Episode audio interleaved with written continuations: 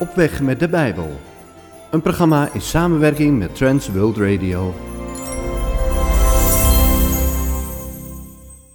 Loving you is a losing game. Jozef zou het gezongen kunnen hebben, want hij leed toch verlies, of niet? Zijn liefde voor Maria. Ze was zijn verloofde. Uh, hij stond aan de kant van de losers. Hij raakte haar toch kwijt. Ze was toch immers zwanger. Loving you is a losing game. Laten we het eens over Jozef hebben. Want we hebben het eigenlijk altijd met kerst over Maria, over engeltjes en over Jezus, de. En over allerlei andere onderwerpen. Maar we hebben het zo weinig over Jozef, die toch wel degelijk een rol in dit verhaal speelt. Een beetje de vergeten man. Toch? Het is een beetje zoals die kerstkaartjes, of kerstkaartjes, die geboortekaartjes bedoel ik. Ik moest er laatst aan denken, die geboortekaartjes. Moeder en kind maken het goed. Ja, en vader is compleet de weg kwijt. Maar moeder en kind maken het goed. Het is een beetje het kerstverhaal. Weet je, er is, er is Maria, er is Jezus, we hebben het er allemaal over. Maar er speelt wel degelijk hier nog iemand een rol. En zijn naam is Jozef. En het gaat niet zo vaak over hem. Maar wat voor kerel was dat? Wat weten we eigenlijk van hem? Het was een rechtschapen mens. In onze taal zou je nu zeggen, was een goede kerel. Een goede gast. En, en, en, en hij heeft gehoord dat, dus dat Maria in verwachting is en dat het niet van hem is. En dan wil hij haar in het geheim verstoten. En het klinkt voor ons misschien niet zo liefdevol. Maar ja, wat zou jij doen? Klaarblijkelijk heeft Maria een ander. Er is een andere man in haar leven. Hij komt niet meer op de eerste plaats. Het was wel een belofte. Het was de belofte naar elkaar. Ik verloof, ik, ik, ik ga verloven met jou, jij gaat verloven met mij. Wij maken samen een verbond, wij gaan samen trouwen. You're my number one, jij bent het. En nou heeft hij gehoord via via dat zijn verloofde zwanger is. En het is niet van hem. Er is klaarblijkelijk een ander. Wat kan je anders doen dan zeggen in het geheim neem ik wel afscheid van haar. In het geheim. Waarom in het geheim? Nou, omdat Jozef, als hij de kans had willen hebben, had hij het kunnen pakken. Hij had haar publiekelijk kunnen vernederen. Dat was voor die tijd misschien niet zo heel gek geweest om gewoon publiekelijk afstand van haar te nemen, tegen iedereen te vertellen dat ze de verloofde niet meer is. Hij had haar publiekelijk aan de schandpaal kunnen nagelen, maar hij doet het liever in het geheim. Met andere woorden, hij wil haar de afgang besparen. En ik denk dat er misschien wel sprake is van liefde. Ik denk dat Jozef echt van Maria heeft gehouden. En, en, en ondanks zijn gekwetstheid en ondanks het feit dat ze opeens dus klaarblijkelijk een ander heeft en hij snapt er niks van, want zo'n type was ze toch niet, besluit hij toch dan maar in het geheim afscheid te nemen, zodat, zodat verdere vernedering haar bespaard zou blijven. Er stond zoveel voor Jozef op het spel. Zijn goede naam. Zijn, zijn eer. Een verloving was een aankondiging van een huwelijk. Maar in Joodse tradities is de verloving eigenlijk minstens zo zwaar als het huwelijk zelf. Een verloving was al echt officieel. Je bent dan als het ware al man en vrouw, maar zonder dat ze nog seks hebben met elkaar. Je bewaart jezelf voor die ander. Dat is het hele idee van een verloving toen 2000 jaar geleden in Israël. Maar de keuze is gemaakt. Je bent exclusief van elkaar geworden. En, en, en, en dat, is, dat is, heeft verstrekkende gevolgen, want dan ben, je, dan ben je echt, dan laat je aan iedereen weten, ik ben er nog maar van één. En Maria's verloving met Jozef is, hé, hey, ik ben van Jozef. En Jozef verloving met Maria is, hé, hey, ik ben van Maria. En, en één ding is duidelijk, tijdens de verloving zou, de Bijbel zegt dan heel mooi, geen gemeenschap, maar je zou gewoon nu in 2019 zeggen, je zou geen seks hebben. Eh, dus, dus daar is geen sprake van. Laat staan tussen Jozef en een ander meisje of Maria en iemand anders. Je bent namelijk al van die ander en die keuzes gemaakt en er is sprake van een exclusieve relatie. Maar dan blijkt Maria zwanger.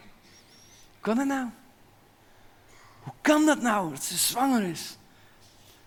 En vaak, en terecht denk ik, wordt in het kerstverhaal natuurlijk dus de moed van Maria geregeld geprezen. Daarom gaan zoveel preken over haar en zo weinig over Jozef. Dan gaat er maar aan staan. Ze is een jong meisje, 15, 16, 14, we weten het niet precies. Een tienermeisje. Ze woont in een nikszeggend stadje, Nazareth. En ze is eigenlijk ook misschien helemaal geen... Ze is geen beroemdheid, ze is geen... Ze heeft geen duizend followers en Insta. Dat is gewoon Maria, niemand kent haar echt. Het is gewoon maar een meisje. Een meisje zegt de Bijbel er nadrukkelijk bij... die uitgehuwelijkd is aan een man die Jozef heette. Alsof we dat zouden vergeten in ons verhaal. Oh ja? Ja. En dan wordt ze bezocht door een engel. En dan zegt die engel: hey, gegroet Maria, je bent begenadigd. De Heer is met je. En dan voelt Maria nattigheid. Nou, zo staat het er niet, het staat officieel. Ze schrok hevig bij het horen van zijn woorden en vroeg zich af wat die begroeting te betekenen had. Kortom, ze voelde nattigheid. En dan zegt, en dan zegt de Bijbel, dan, dan, dan die beroemde woorden van, van de engel, die zegt dan, hé, hey, wees niet bang Maria. God heeft je zijn gunst geschonken. Luister, je zult zwanger worden en je zult een zoon baren. En je moet hem Jezus noemen. Jezus betekent redder, verlosser. Maar, maar Maria denkt, hè? Hoe kan dat nou? Ik, ik heb immers nog nooit gemeenschap met een man gehad, zegt de Bijbel dan. En dan zegt de engel weer, nee, nee, maar het is als door een wonder. De, de engel uh, zegt, de Heilige Geest zal over je komen. Je wordt aangeraakt door Gods kracht. En, en met andere woorden, je gaat zwanger worden als door een wonder.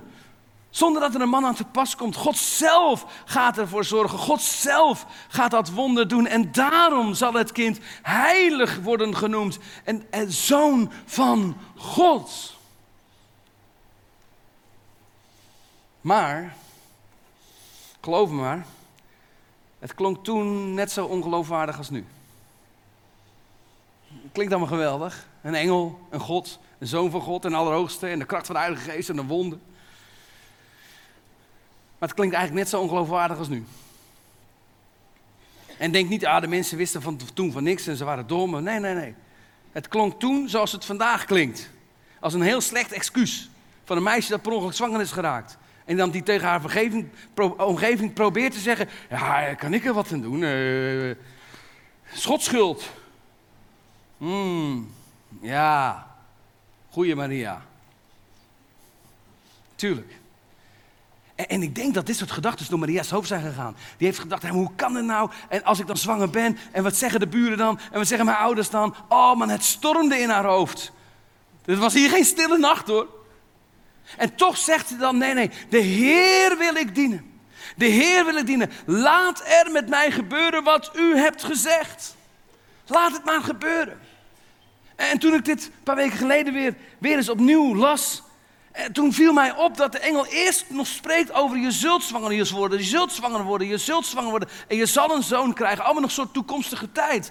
Alsof de hemel echt zat te wachten op deze zin. Laat het nu maar gebeuren. Alsof God zat te wachten. Zegt ze ja of zegt ze nee? Wat gaat Maria doen? Nou, ze zegt ja tegen Gods plan. Ze levert haar toekomstvisie, haar beeld van hoe het zou moeten gaan, waar ze naartoe gaat groeien, met wie ze samen gaat wonen. Met al die dingen wat zij gepland had, haar hele toekomst haar hele hebben en oude, levert zoals je zou kunnen zeggen, het verliest ze aan God. En ze zegt, laat het maar gebeuren. Een meisje van 14, 15, wat een heldin. Ze stelt haar baarmoeder beschikbaar voor de schepper van het leven.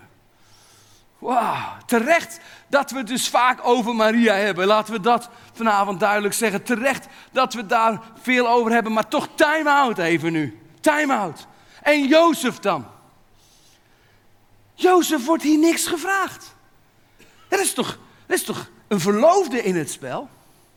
Er is toch een jonge kerel die, die, die gezegd heeft, hé hey Maria, ik ga voor jou. En, en, die, die erop vertrouwt dat zij ook inderdaad voor, haar, hem gaat. En, en hij, in dit verhaal is hij in geen velden wegen te bekennen. Er is nergens een Jozef die erbij staat, die even mee mag denken. Die zegt, oh, oh ja, dat heeft wel invloed. Nee, nee joh. En Jozef wordt niks gevraagd. Maria vraagt geen toestemming aan haar verloofde. Niet dat ze zegt uh, tegen de engel, uh, wacht even, even overleggen. Met Jozef, even overleggen, ik ben verloofd hè. Dus ja, even overleggen, want... Uh, dus ik app hem even, ze heeft verwacht, engel. Ga ik nu even appen. Ze zegt, beste Jozef. Maria hier, ziet hij natuurlijk wel, nummerherkenning. Maar toch. Zegt, hé, hey, ik krijg een idioot voorstel. zwanger worden. Ik denk dat ik ja ga zeggen. Uh, tja, eh, maar goed, het heeft enigszins invloed op jouw leven. Dus uh, ik wilde toch maar netjes vragen of je het goed vindt. Doe ik het of doe ik het niet? Die vraag wordt niet gesteld. Ze zegt gewoon ja. Ze overlegt niet eens met Jozef. En hij, je zou kunnen zeggen, hier begint Jozefs verlies. Hier begint Jozefs verlies. Het verhaal van zijn verlies begint hier. Want hem wordt hier toch iets ontnomen. Je kan zeggen, je kan er naar kijken hoe je wil, maar hier wordt van hem, van hem iets afgepakt of niet. Het wordt, hem wordt toch iets aangedaan, of wel? En niemand die hem toestemming vraagt. Als er iemand in dit verhaal aan de verliezende kant staat, is het wel Jozef. En zo is het toch vaak hè, met verlies. Komt toch weinig voor dat mensen toestemming krijgen of geven als het gaat om verlies. Vaak komt toch verlies in je leven als een, als een dief. Iemand die je ontvalt, een baan, je wordt misschien ontslagen. Einde aan je huwelijk. Het zijn toch vaak van die dingen waar. Die je worden, sommige dingen worden ons gewoon echt aangedaan, toch? Het gebeurt ons, het overvalt ons. Opeens iemand kwijt. Opeens een kink in de kabel. Opeens je verkeringen uit. Opeens. En soms heb je er niet eens invloed op. En daarom doet verlies zo'n pijn. Hè? Daarom doet verlies zo'n pijn, want niemand vraagt toestemming voor verlies.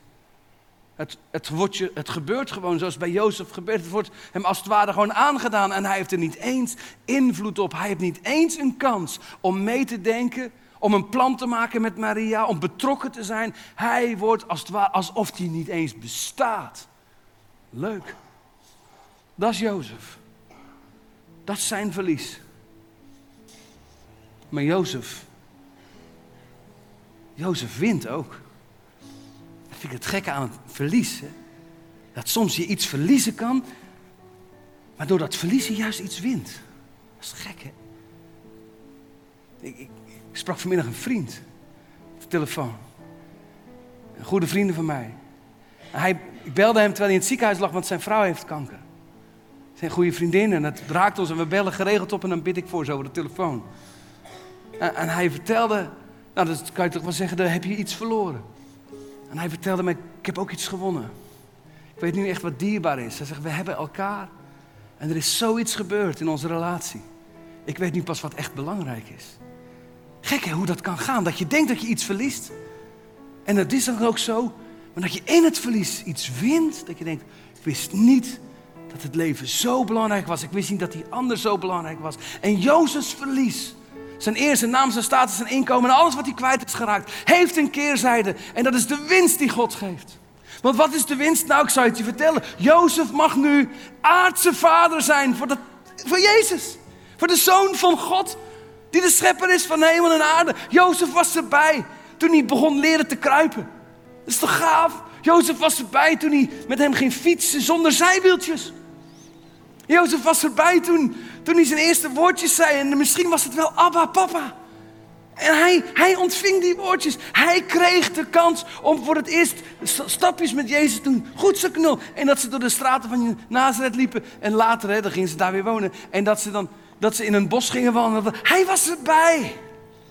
De winst ja, er is verlies in Jozefs leven, maar er is ook winst. We weten dat hij er zelfs nog bij was toen Jezus naar de tempel ging als twaalfjarige jongen. Hij heeft zoveel van Jozefs leven meegemaakt. Op een gegeven moment zegt de Bijbel niks meer over Jozef. Hij, hij verdwijnt een soort in de stilte. Waarschijnlijk dus jong overleden. Maar hij is erbij geweest. Zeker nog dat Jezus naar de tempel ging, zijn eerste keer, om misschien wat daar bar mitzwa te doen. Dat Jezus volwassen werd, de zoon der verplichting heet dat. Dat deed je als 13-jarig jochie. Hij heeft het meegemaakt, jongens. Wie kan hier zeggen dat hij de aardse vader is van een hemelse Heer? Ja, Jozef. Weet je waarom? Omdat hij zijn verlies nam en voor de winst van God ging. Voel je hem? Hij nam zijn verlies, pakte de winst die God geeft. En hij kan iets zeggen wat niemand op deze aarde kan zeggen. Ik ben de aardse vader van een hemelse Heer. Wauw.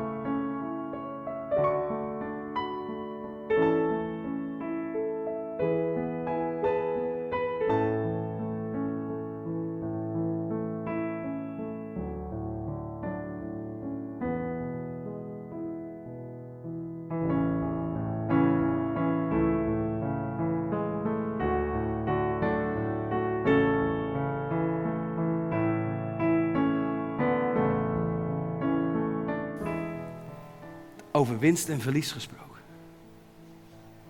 Over winst en verlies gesproken. En God zelf dan. We geloven als christenen dat kerst juist het feest is van Gods liefde die omziet naar deze wereld in nood. Het is het feest van Gods hoop. Die tastbaar, die zichtbaar wordt gemaakt door een kindje in een kribbe. Zo kwetsbaar, zo klein.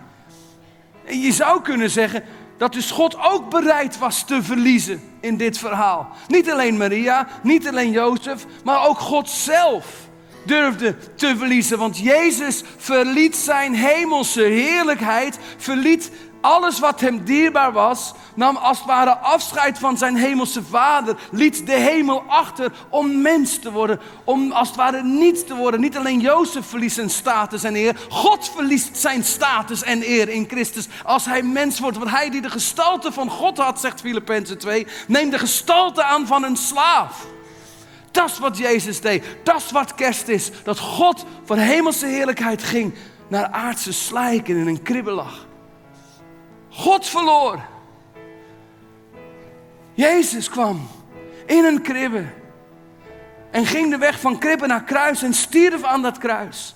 En waar is dan de eer in dat verhaal? Waar is de winst dan in dat verhaal? In een naakte man die sterft aan een soort van schandpaal voor iedereen om te zien. De vernedering is compleet alsof een kribbe nog niet genoeg is.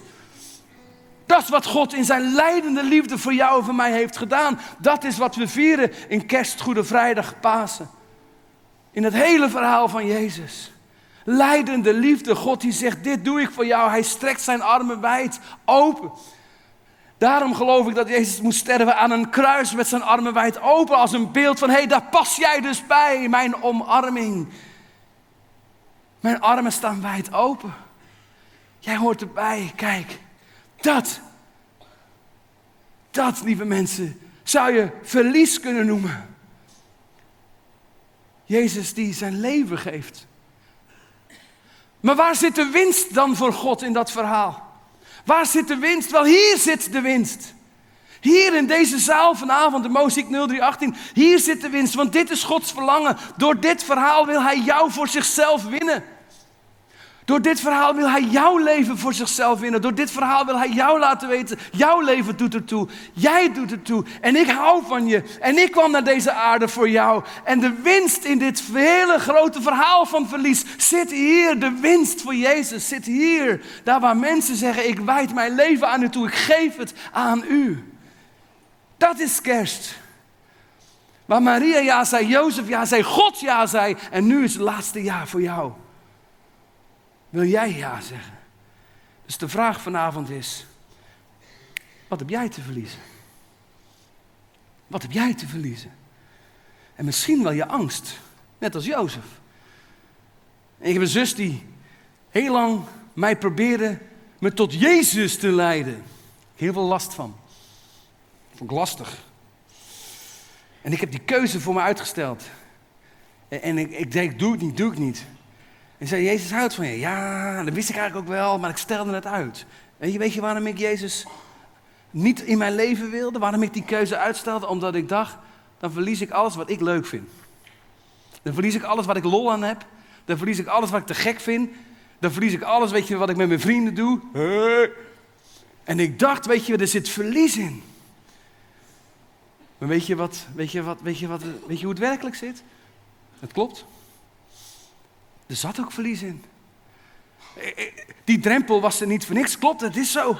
Er zit, er zit terecht misschien wel een soort angst in ons om voor Jezus te kiezen. Want want ergens voelen we allemaal wel aan. Een keuze voor Jezus is niet 50-50, 20%, 80%. Ergens voelen we allemaal wel aan. Als, als we voor Jezus kiezen, is het all in. It's all in. Het is alle chips die we naar voren schuiven. Het is alles wat we geven. Onze hoop, onze plannen, onze tijd, onze toekomst, onze ellende, onze zorg, onze zonde, onze twijfel. Alles wat we hebben, alles wat we zijn aan ellende en zorg, verdriet of leegte. Of verlangen, of toekomstidee, of zelfbeschikking. Of ik bepaal het zelf wel. Het is eigenlijk allemaal op de tafel als we ja voor Jezus zeggen. Zoals Maria zei, hier is mijn zelfbeschikking. Zoals Jozef zei, hier is mijn toekomst. God, u mag het bepalen, u mag het doen. En ergens voelen we allemaal dat ja voor Jezus is best een risico. En daarom, daarom schoof ik de keuze voor mij uit. En toch toen ik koos voor Jezus op 27 februari 1987 Toen zag ik hoe dom ik was dat ik die keuze heb uitgesteld. Niet omdat er geen verlies was. Oh ja hoor. Ik wilde alles aan Jezus geven. Maar toen ontdekte ik pas wat de winst was. Toen ontdekte ik op 27 februari 1987, toen ik zei, Jezus, ik wil mijn leven aan u geven. Toen ontdekte ik de winst pas. Toen ik mezelf verloor aan Hem. Toen ontdekte ik de genade van Jezus en de vergeving van de Vader en de omarming van een eeuwige God die mij nooit meer verlaat die mijn hoop is in leven en sterven. Dat is de winst, lieve mensen. Een relatie met God. Een vriendschap met Hem. Die ook al is het leven ellendig, ook al is het leeg, ook al verliezen we dingen om ons heen. Die zegt, ik zal je nooit vergeten, ik zal je nooit verlaten en ik breng je veilig thuis. Dat is de winst die er is in de relatie met Jezus. Daarom moedig je vanavond aan. Ik moedig je vanavond aan. Om te durven dat verlies te pakken. Van je zelfbeschikking. Van het zelf willen bepalen. Van ik bepaal wel hoe mijn leven. Ik, ik daag je uit het verlies te nemen en alles te geven. It's all in tonight. Het is alles. De inzet is hoog. Het is je toekomst. Het is je leven. Het is voor altijd. Jezus is niet een beetje in mijn leven. Hij is of de Heer van je leven of niet. Is het all in? Voor God is het all in. Hij schoof alles naar voren. Hij gaf zich helemaal. Het kruis laat het zien. En nu is de vraag: Maria zei ja, Jozef zei ja. Wat zeg jij vanavond? Dit is wat Paulus zei. Paulus is een van de grondleggers van de kerk. Een van de eerste kerkleiders 2000 jaar geleden. Hij had veel te verliezen. Hij had heel veel te verliezen, want hij had status, hij had invloed, hij had macht. Hij had van alles voor hem. Hij had, een super, hij had geld, hij, alles zat hem mee. Totdat hij Jezus ontdekte. En dan zegt hij in Filippenzen 3, vers 8: Alles beschouw ik voor de rest van mijn leven als verlies. It's all lost. Mijn inkomen, mijn status, mijn opleiding, mijn baan, mijn carrière. Alles beschouw ik als verlies. Want het kennen van Christus Jezus, mijn Heer. Oh, dat je dat kan zeggen vanavond. Mijn Heer overtreft immers alles. Omwille van Hem heb ik alles prijsgegeven. Wilde ik wel alles verliezen. En ik heb alles als afval weggegooid. Want ik wilde Christus winnen. En als je Christus wint vanavond, heb je alles gewonnen wat je in dit leven nodig hebt. Maar de vraag is, durf je iets te verliezen? Durf jij iets te verliezen vanavond? Je toekomst, je zelfbeschikking, je vrijheid. Want wij denken dat we vrij zijn als je doet wat je zelf wil. Ik wil doen, ik wil zelf bepalen wat ik wil. Ik wil zelf... En ergens hebben we onszelf wijsgemaakt dat dat echt vrijheid is. Maar weet je wat echte vrijheid is? Wat Maria deed. Die zei, u wil voor mij. Kom maar, laat maar gebeuren wat u zegt. Wat Jozef deed. Toen hij zijn angst overwon en Maria als vrouw tot zich nam en dat hele verhaal. De echte vrijheid zat hem in de gehoorzaamheid aan het plan van God. De echte vrijheid zit hem aan de overgave vanavond. En niet de gevangenis van je zelfbeschikking, maar de vrijheid die God geeft. Daar waar we zeggen, Heer, ik wil u gehoorzaam zijn. Ik wil voor u leven. Ik leg alles in uw hand. Jozef zei het. Maria zei het. Die Paulus zei het. En vanavond, misschien jij wel. Misschien zeg jij het wel vanavond. En zometeen gaan wij luisteren naar een lied. En Reni zingt de woorden: Jezus, alles geef ik u. It's all in vanavond. Niet voor 50%, niet een beetje Jezus en een beetje zelf. Nee, het is all in. Alles geef ik u. Ik wil alles aan u verliezen. Wat ik ben, wat ik heb, wat ik ooit zou zijn. Want door uw wil te doen, leer ik pas wat werkelijk leven is. Leer ik om vrij te zijn. De winst zit hem in kennen van Jezus. Als je Heer, als je Verlosser, als je vriend, als je, als je held die voor je opkomt. Die je vergeeft, die je vervult met zijn liefde. Die zegt, vanaf nu ben je nooit meer alleen, want ik woon in jou. Die winst is vanavond voor jou en voor mij. Daar waar wij onszelf durven te verliezen aan Hem. Dus daarom zingen we zometeen al mijn hoop, al mijn plannen, al mijn tijd. Ik leg ze in uw hand. Ik vertrouw ze aan u toe. En terwijl Reni het zingt, lees deze woorden eens mee. En bedenk dan over een paar minuten kom ik hier terug. En dan ga ik vragen, wie van jullie wil vanavond deze woorden met ons meezingen? Misschien wel met knikkende knieën, misschien wel met angst. Wees niet, het is niet erg. Jozef moest ook zijn angst overwinnen. Wees niet bang. En wie wil straks vanavond deze woorden zingen? En het kost je misschien alles. Maar de winst, wow, de winst. De winst die Jezus heet. De winst die Jezus heet. Overtreft alles. Dus luister maar eens naar deze woorden die Reni zingt. En denk na wat jij wilt met de rest van jouw leven.